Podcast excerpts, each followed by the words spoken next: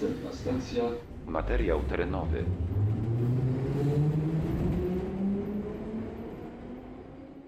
Hej, jestem w chmurach na koncercie Long Time No Talk. Koncert zacznie się za nieco ponad godzinę, a teraz mam tutaj chłopaków przed sobą. Przywitajcie się.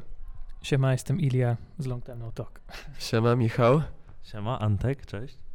Mam do was parę pytań, ale zacznę od tego, co mnie najbardziej w tym momencie interesuje i gnębi, bo pochodzicie z Zielonki, także w jednym z swoich kawałków daliście e, tytuł Green City i jest taka konwencja, że zespoły powiązane z punkiem albo z emo często nienawidzą swojego miasta.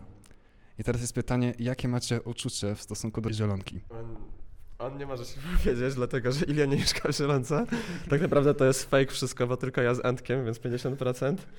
I e, ja mogę za siebie powiedzieć, że jest wręcz przeciwnie. Jestem patriotą zielonkowskim.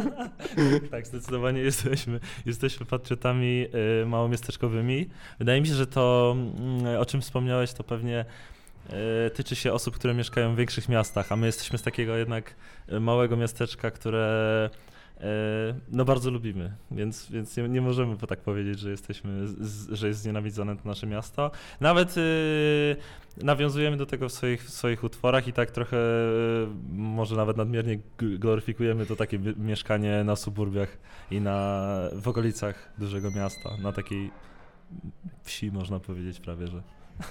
Okej, e, skoro już mowa o Zielonce, to jest u was jakaś scena muzyczna? O Boże.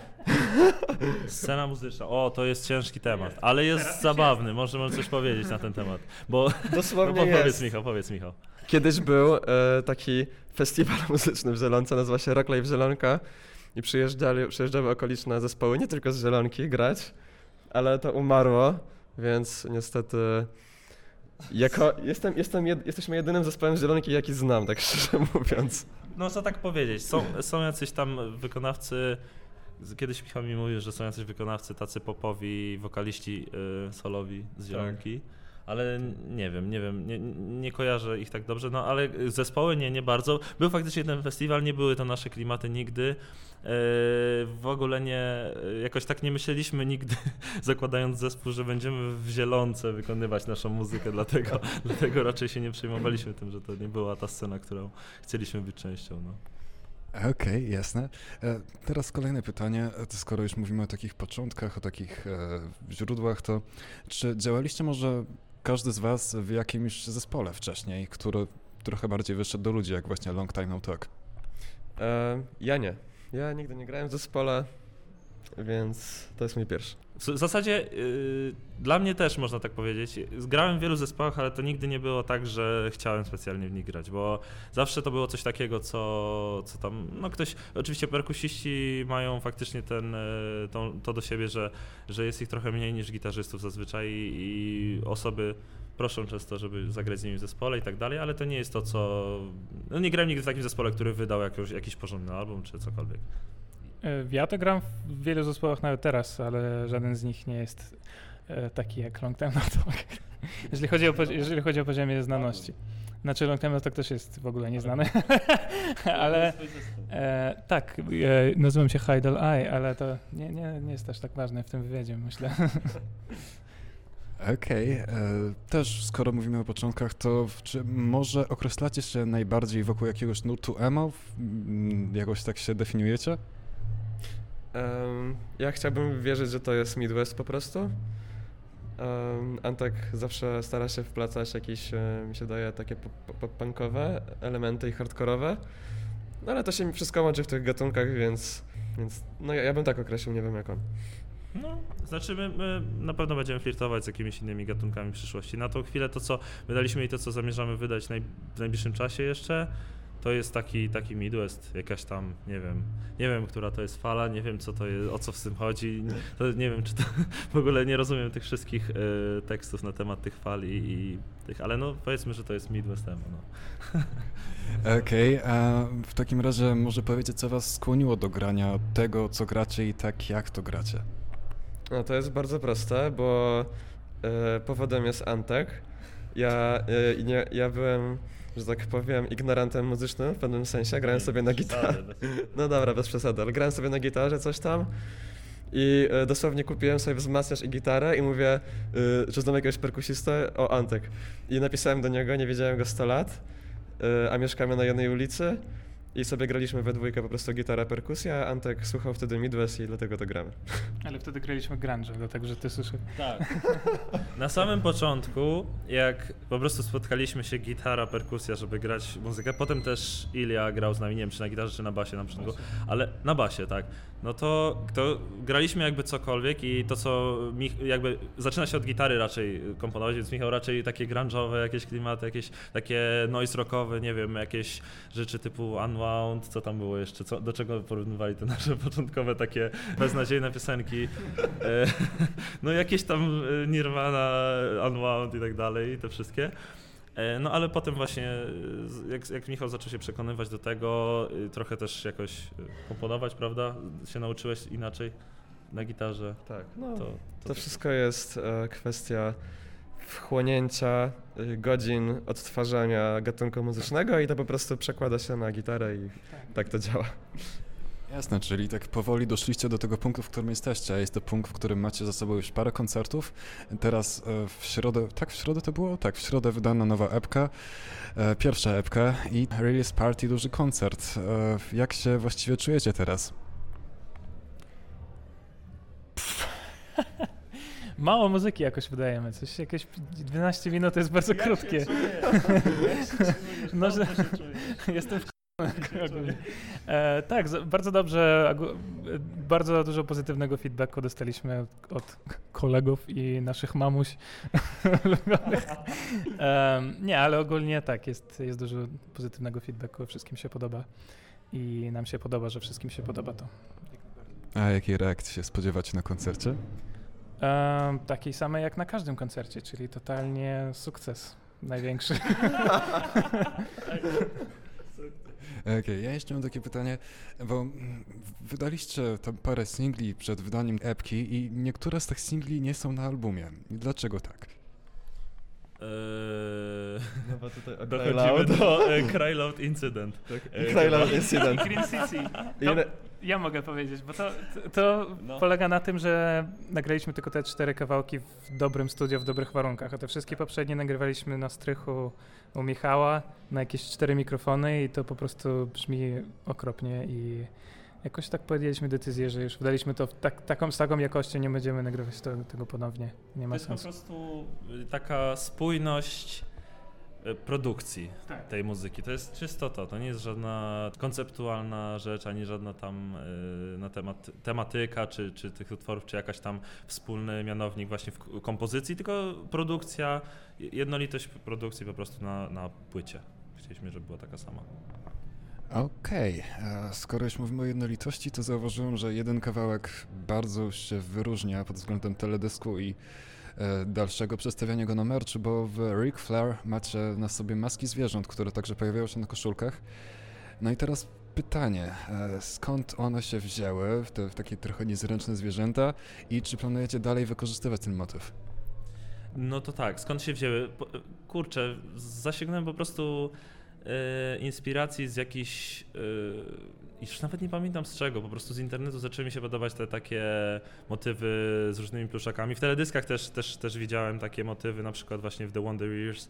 E, nie chcieliśmy od nich ściągać, bo trochę inaczej to zrobiliśmy, ale, ale pomyśleliśmy, że to będzie takie fa- fajne odwołanie do takiego właśnie pop- pop-punkowego e, slash emo, emo zespołu, który bardzo lubimy. E, No i, i po prostu e, też trochę chcieliśmy, nie wiem czy na siłę, czy nie, ale trochę chcieliśmy współpracować z taką naszą koleżanką Jagodą Komorowską, która e, zajmuje się właśnie i strojami, i k- kostiumami takimi właśnie nietypowymi różnymi kostiumami czy teatralnymi, czy właśnie do, do jakichś teledysków, czy do sesji zdjęciowych, czy po prostu Chcieliśmy z, y, w ten sposób zawiązać współpracę z taką bardzo fajną osobą, która jest, jest nam blisko i, i tak razem wspólnie z nią wymyśliliśmy, y, jak to ma wyglądać. No i nagraliśmy taki teledysk, który, który jakoś tam jest, jest, jest oparty na, na tekście tej piosenki i, i tyle. Nie, nie, nie, nie doszukiwałbym się tam. Znaczy, y, jak ktoś chce się doszukiwać jakiegoś drugiego dna, y, to może się doszukiwać, ale je- jest to, z naszej strony to jest tylko taki właśnie estetyczny krok y, i trochę odwołanie. E, jasne, a czy można dalej się gdzieś spodziewać tego motywu w waszej twórczości? Chyba nie. Nie. Nie. Nie, nie, bo, bo mieliśmy, y, faktycznie mieliśmy te stroje ze sobą na koncertach wtedy, kiedy to y, ten singiel wyszedł. E, ale uznaliśmy, że to nie będzie coś takiego, co my mamy na głowie cały czas, jak e, Slipknot czy coś. No po prostu chcieliśmy, chcieliśmy, żeby to był taki e, performance jednorazowy i po prostu, no teraz gdzieś tam są na pamiątkę, ale, ale to nie jest coś takiego, co będzie naszą twarzą, po prostu nie. E, No i teraz pytanie o dalsze ruchy. Czy jak przystało na wiele emo zespołów, zamierzacie teraz rozpaść? Czy, czy co planujecie? Dużo o tym gadamy bardzo, Tak. na, na każdej próbie.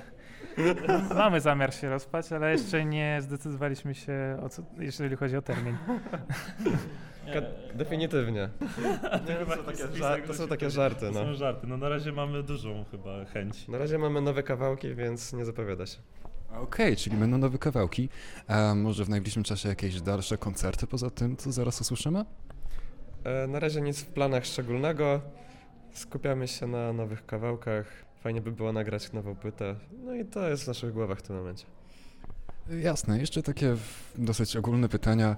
Czy macie jakieś największe inspiracje bądź jakieś zespoły, które polecacie? No i tutaj oczywiście chodzi także o polską, warszawską, nieza, niezalową scenę, ale także ogólnie wszystko, czego słuchacie. E, My jesteśmy zawsze bardzo blisko z dwoma zespołami. E, Są to Trujące Kwiaty, z którymi dzisiaj gramy, oraz We Watch Clouds, którzy swoją drogą zabrali nas na swój pierwszy koncert, no nasz, na, na nasz pierwszy koncert ever. E, e, Totalnie nas nie znając, słuchając tylko jednego kawałka, więc mega szacun dla nich i też za muzykę, jaką robią.